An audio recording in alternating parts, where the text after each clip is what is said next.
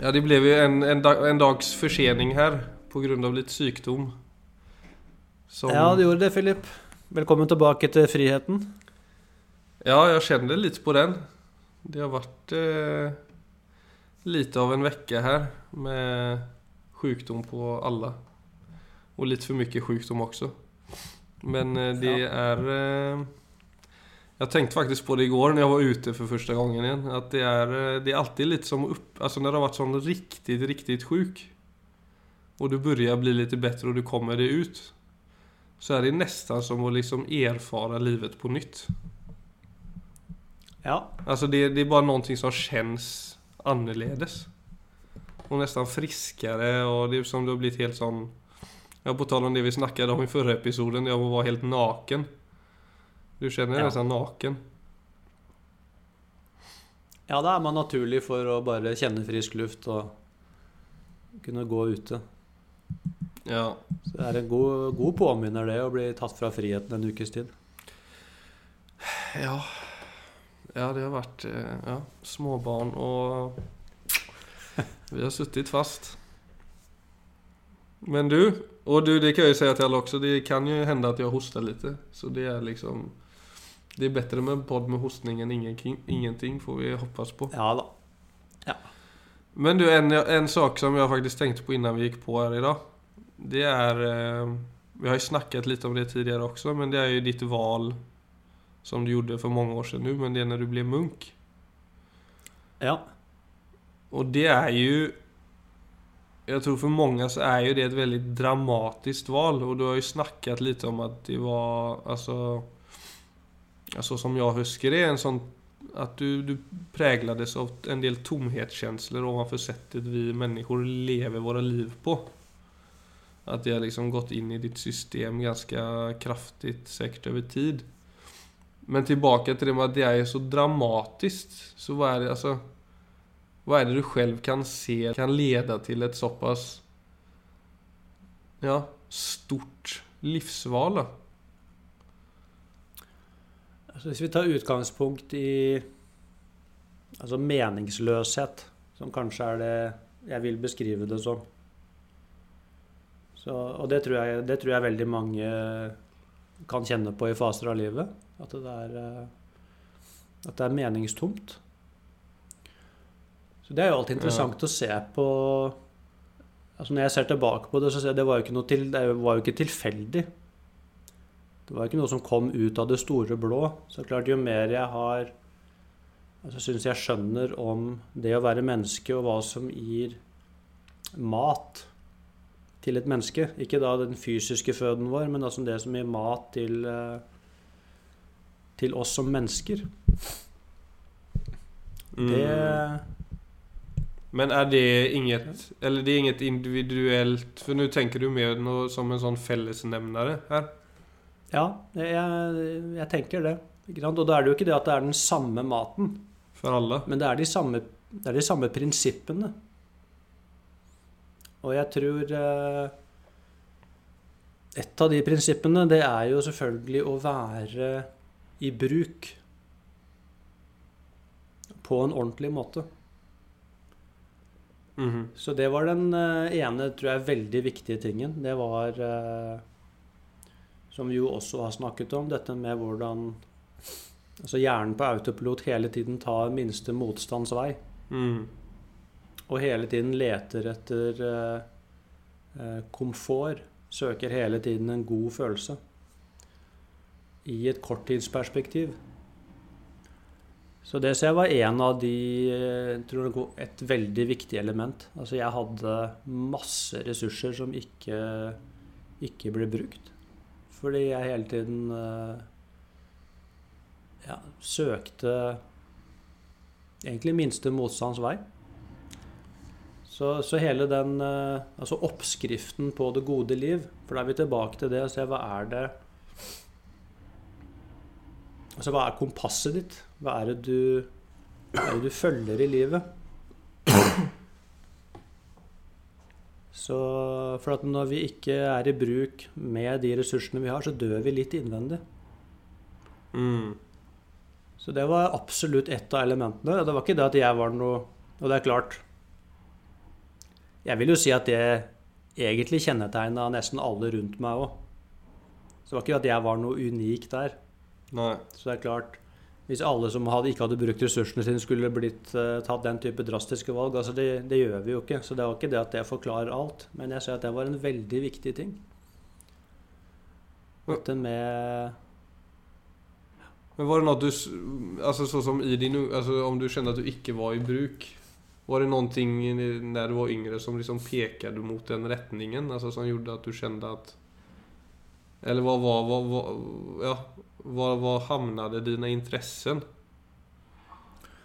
Altså jeg tror uh, veldig tidlig så, så klart så hadde jeg en eksistensiell drive. Det er helt klart. Altså sånn, så det, og i ungdomstida så kom jo det altså fram i eh, Altså interesse for litteratur og skriving, og også sånne såkalte kunstfilmer. Ikke de store kommersielle filmene, men liksom mer de ja, sånne europeiske kultfilmer. Ja. Så det var liksom der jeg kjente igjen noe Der var det et eller annet for meg. Mm. Uh, altså Moren min begynte med yoga veldig tidlig, lenge før det var en sånn uh, ble en fashion i Norge. Mm. Og tok med seg, så Hun tok jo med seg sånn bøker i yoga, filosofi, og ga til meg når jeg var 13 år gammel. Og jeg, de bøkene så jeg, jeg husker hvilke bøker det er. Hvis jeg ser på dem i dag, så er det sånn tenkte jøss. Og det husker jeg jeg leste med veldig, veldig stor interesse. Og, hmm. og så var det noe som traff meg veldig dypt, faktisk. Mm. Og det er jo kjemperart, egentlig, når jeg ser på innholdet i de bøkene i dag. Så klart, den biten lå der. Men det var ingenting i omgivelsene egentlig som speila det. Det var jo bare den tilfeldige yogaboka egentlig som jeg kjente jøss, dette var interessant. Men så glemte jeg jo det fort, for det var ikke noe, det var ikke noe mer i omgivelsene som uh, så, så på en måte så vil jeg si at det lå egentlig i min bane. Det må jeg si, faktisk. Og fordi det lå i min bane, så, så, fant jeg ikke svar kanskje der hvor de fleste andre jevnaldrende fant svar. Altså de fikk inspirasjon altså gjennom mye av det som eh, ble tilbudt. Men det gjorde ikke jeg. Det var, for det var ingenting som traff eh, blink. Ja, nei, nei. Det var ingenting der som jeg hadde passion for. Så alt, alt det som på en måte ble tilbudt meg i kulturen, det, det kjente jeg bare sånn Nei, det gir meg ikke mening. Så det, det kjennes bare tomt. Og det er klart, når ikke det er noe som treffer blink, så, vil så er jo jeg nødt til å gå inn i en form for krise. Som jeg da også gjorde. Nei, men du sitter jo i Norge i dag i de eh, samme miljøene. Og i dag, gir, gir det deg mening i dag, da? Er det noe som du har jag har förstått då, eller som eh, du saknade, som du liksom gjør at du også ser verdien her? Eller ikke ser verdien her, men du fatter hva jeg mener? Du Ja, jeg skjønner, veld, jeg skjønner, jo spørsmålet veldig godt. Og det er det som eh, Det er der man må begynne å tenke seg om litt. Fordi at eh, Hva er det egentlig vi lever i? Jeg bor jo i den samme byen som der jeg vokste opp. Ja, For det er ikke så mye som har endret seg? Nei, det er jo ikke det. Men selvfølgelig Jeg lever i et helt annet altså narrativ. For at vi lever jo På en måte så lever jo Vi lever jo gjennom våre egne sinn. Ikke sant? Så når vi når jeg ser ut, altså øynene mine, så ser jeg på en måte de samme tingene som jeg så for uh, eh, 30 eh, år siden. Men det var aldri det jeg levde i. Jeg lever jo i Jeg lever jo egentlig i mitt eget møte med verden. Så, så det er ikke så på en måte så lever jeg på et helt annet sted i dag enn jeg gjorde for 30 år siden. Selv om jeg bor geografisk på det samme området. Så det har ingenting med det å gjøre. Så det spiller ingen rolle hvor du bor, eller Nei. hva du gjør? Nei, egentlig ikke. Altså, Eller altså, det, det betyr betyder jo noe. Det, det, det er ikke det, men ikke nødvendigvis hva gjelder Altså jeg vet at det, er, det, det, det blir jo for mange veldig luftig å snakke om at livsglede ikke er avhengig av et miljø eller en ja, men, For det ja, er det det, Absolutt. Altså, det ville jeg aldri sagt. Men jeg vil si den viktigste komponenten, den glemmer vi ofte. Og det er oss selv. Altså, vi lever hele tiden i samspillet med, med et miljø, men selvfølgelig så er det eh, Altså, Hvis jeg skal si seks ting som er utrolig viktig for å både leve et godt liv og få god helse og få glede, så vil det være alle de vanlige tingene som folk har hørt om. Det er eh, fysisk trening, eh, kosthold, søvn, eh, sosiale relasjoner, mentale prosesser og pusten din. Alle de seks er eh, essensielle for å ha god balanse i livet. Mm.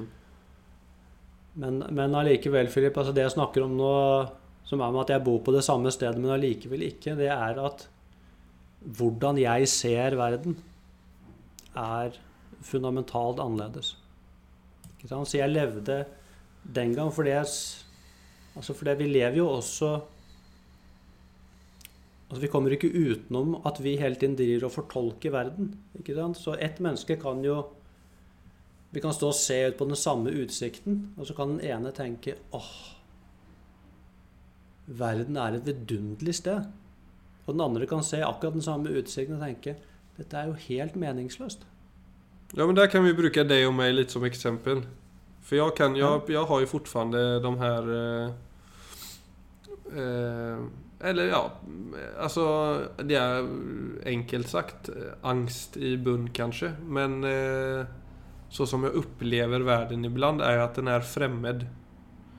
At eh, Og det eh, låter jo kanskje rart for en del, men det er liksom Ja, det er det enkleste settet å forklare det på. At allting At tilværelsen bare virker eh, veldig konstig. Da. Mm. Og da blir det jo veldig vanskelig å kjenne på at livet er noe magisk og underbart. Absolutt. Mens du har jo virkelig liksom den Hva skal man si Opplevelsen da av at just livet er fantastisk og utrolig. Ja. Som jeg også kan relatere til på mange sett. For jeg har jo liksom den siden i meg også, men den er ikke alls Absolutt. Den er ikke alls hvilende eller på plass. Og det er jo Så der er det jo bare Bruker vi deg og meg, da. At du og jeg kunne sittet der på en bergstopp, og så syns jeg allting er fremmed og meningsløst, og så syns du at det er et veldig fint, eh, fint eh, mysterium. Og vi har begge to hatt hver sin trygg oppvekst. Ganske lik. Og Mm. Og så videre. Men der sitter vi på en måte kanskje med ganske like forutsetninger, men man opplever det på två helt olika sätt. Mm. Så ja, alt kan for ögat se helt likt ut, men så er det så otroligt subjektivt, da. Ja, det er akkurat det det er. Og der Så det jeg ville tenke, tenke der, Philip altså Hvis vi skal gå Gå liksom et, et skritt videre, men egentlig bare fortsette fra der vi begynte, så tror jeg det er noe med også å, å finne ut for seg selv, da. Altså, hva er kompasset mitt? Hva er det i alt dette som skjer i meg og mitt samspill med livet? Altså, er det noe i det hele tatt her som jeg kan stole på? Og i så fall, hva er det jeg kan stole på? Og så egentlig like viktig å stille seg spørsmålet Hva i alt dette som skjer hele tiden, er det jeg ikke kan stole på? Mm. Det kan være et godt sted å begynne. Ikke sant? Fordi det vi stort sett gjør, vi mennesker, vi stoler på tilstanden vår. Så Og vi tar da ofte valgene fra den tilstanden. Vi søker hele tiden positive følelser med utgangspunkt i den tilstanden vi har, og på en måte de valgmulighetene vi har til rådighet i øyeblikket.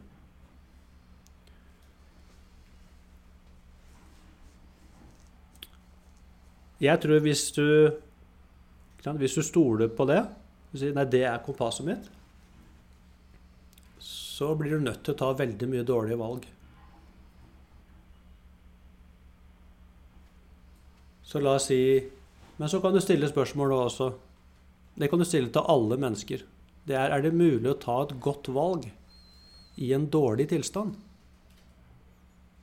Og det tror jeg alle mennesker, hvis de kjenner etter, så tror jeg de måtte si ja. Det er mulig for oss mennesker. Og det har sikkert alle mennesker også personlige eksempler på at de har gjort det innimellom. Mm. Og så er det noe med å ta det på alvor. Og begynne å bruke det. For at det er det som ligger i det vi snakker om nå. Og det jeg Det er en av tingene jeg kan se når jeg fører eh, Jeg kikker tilbake på livet mitt, hvorfor jeg havnet på, måte, på et sånt ufattelig meningsløst sted. Det var jo også en serie med rekke med dårlige valg, nettopp fordi jeg jeg gikk aldri egentlig til det spørsmålet. Hva er det som konsistent uh, løfter sinnet mitt? Hvilke ting er det jeg gjør som alltid i etterkant gir meg en god følelse? Altså både av hvem jeg er, altså en form for stolthet, en form for selvrespekt. Altså noe som vitaliserer systemet mitt. Mm. Og så da virkelig ta inn i meg det, er- Der ligger kompasset mitt. Så hvis jeg velger fra det istedenfor fra tilstanden min, så blir det Det blir nok fort veldig andre valg. Og så blir det et helt annet liv, egentlig, bare gjennom det. Sånn at uh, f.eks. når du har disse fremmedfølelser som du har fra tid til annen? Da er det akkurat som om du kommer inn i et rom som er lukket. Og alt i det rommet egentlig bekrefter denne fremmedfølelsen. Og hvis du på en måte velger derfra, fra den tilstanden, så, så vil det også være interessant å kartlegge. Altså hva, hva er det du typisk tenker når du er der? Hva er det du typisk føler, og hva er det du typisk gjør? Eh, sånn tror jeg det er for eh, Om det ikke er fremmedfølelse, så er det sånn Mm. ikke sant? Eh, noen er plaga med mye uro og sikkert en del redsel, dårlig selvtillit. Eh, bare litt sånn at man er litt tung, det er litt meningsløst. Og hvis da tilstanden min på en måte bestemmer valget mitt, så vil jeg jo hele tiden gjøre ting som også blir bekreftende for den tilstanden. Og da skal det ikke så mye til før man skal, og så skaper vi mønstre. Og dette blir jo mye negative mønstre, og så blir det plutselig til, til livene våre. Mm. Mens det andre er å identifisere, altså Og da vil det alltid være aktiviteter. Altså som av en eller annen grunn altså treffer eh, vitaliteten min. Så tror jeg alle vil, ikke sant, hvis de satte seg ned og tenkte litt Altså sånn Er det noen ting som alltid etterlater meg i en bedre tilstand? Og det vil det jo alltid være. Altså sånn på ordentlig. Mm.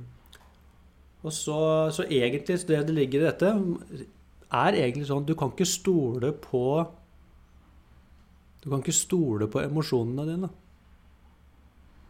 Du kan ikke stole på de som et kompass. Men det du kan stole på, at det er visse typer ting som alltid stimulerer deg. Så nesten, det blir nesten litt sånn eh, tanke, følelse, atferd. Og så skifte ut det med eh, egentlig tanke, atferd, følelse.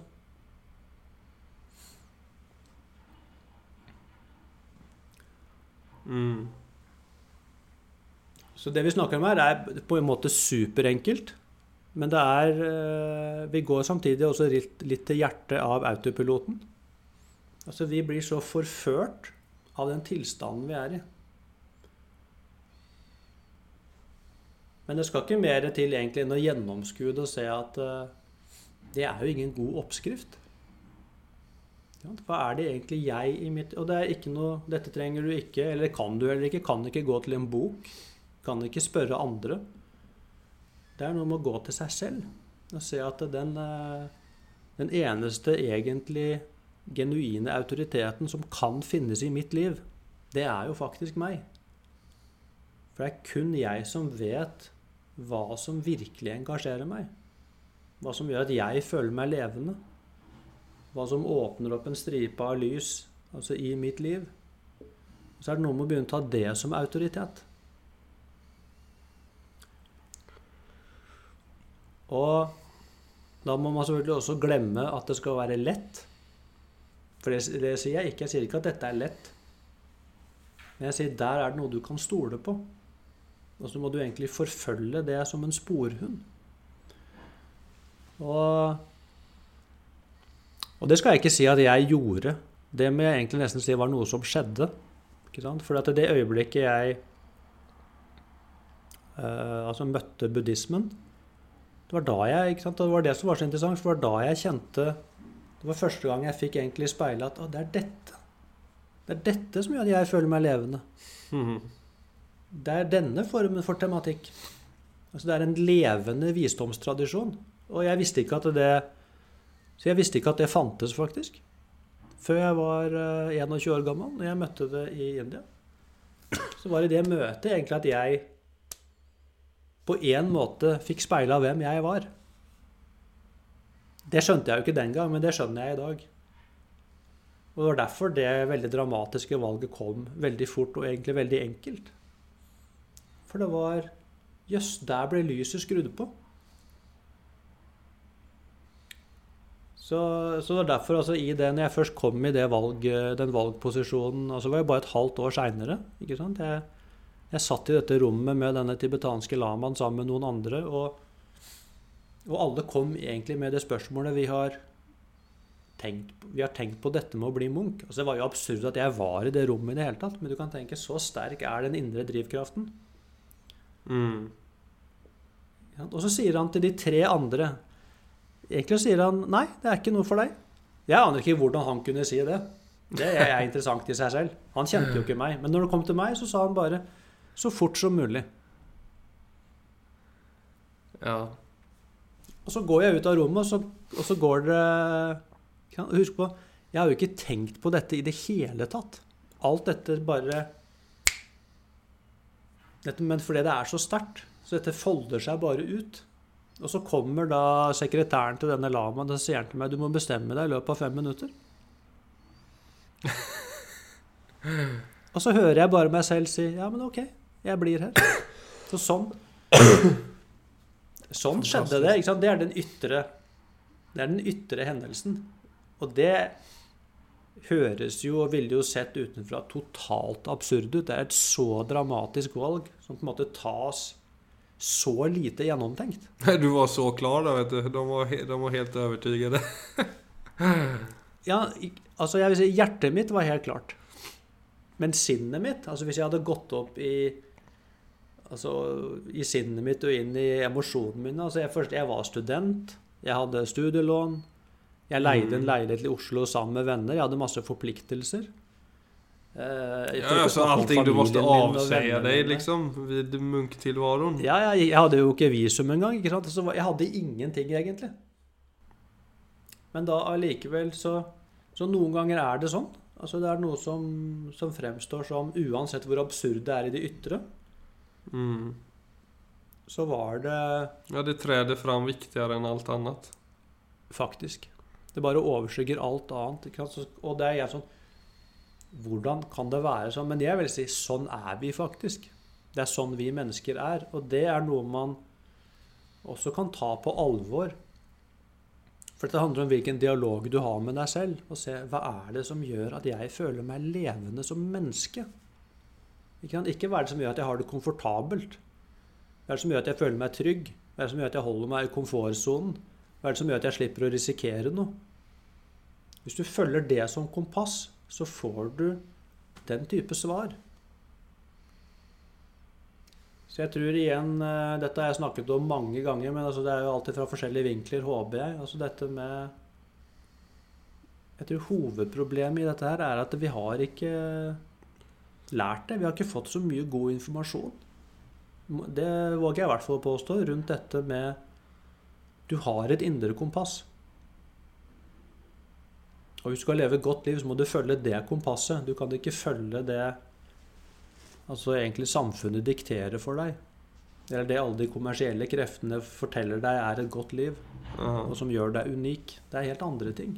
Og du har det i deg alt sammen. Men hvis ikke vi bruker det vi har i oss, så kommer det jo ikke fram. Så det var en lang tirade, Filip. Ja, dette var bra, vi Viggo. på- Dette var riktig bra. Jeg skal ikke ho- hoste over denne. Jeg tykte det du sa nå, var Her har vi noe. Ja, supert.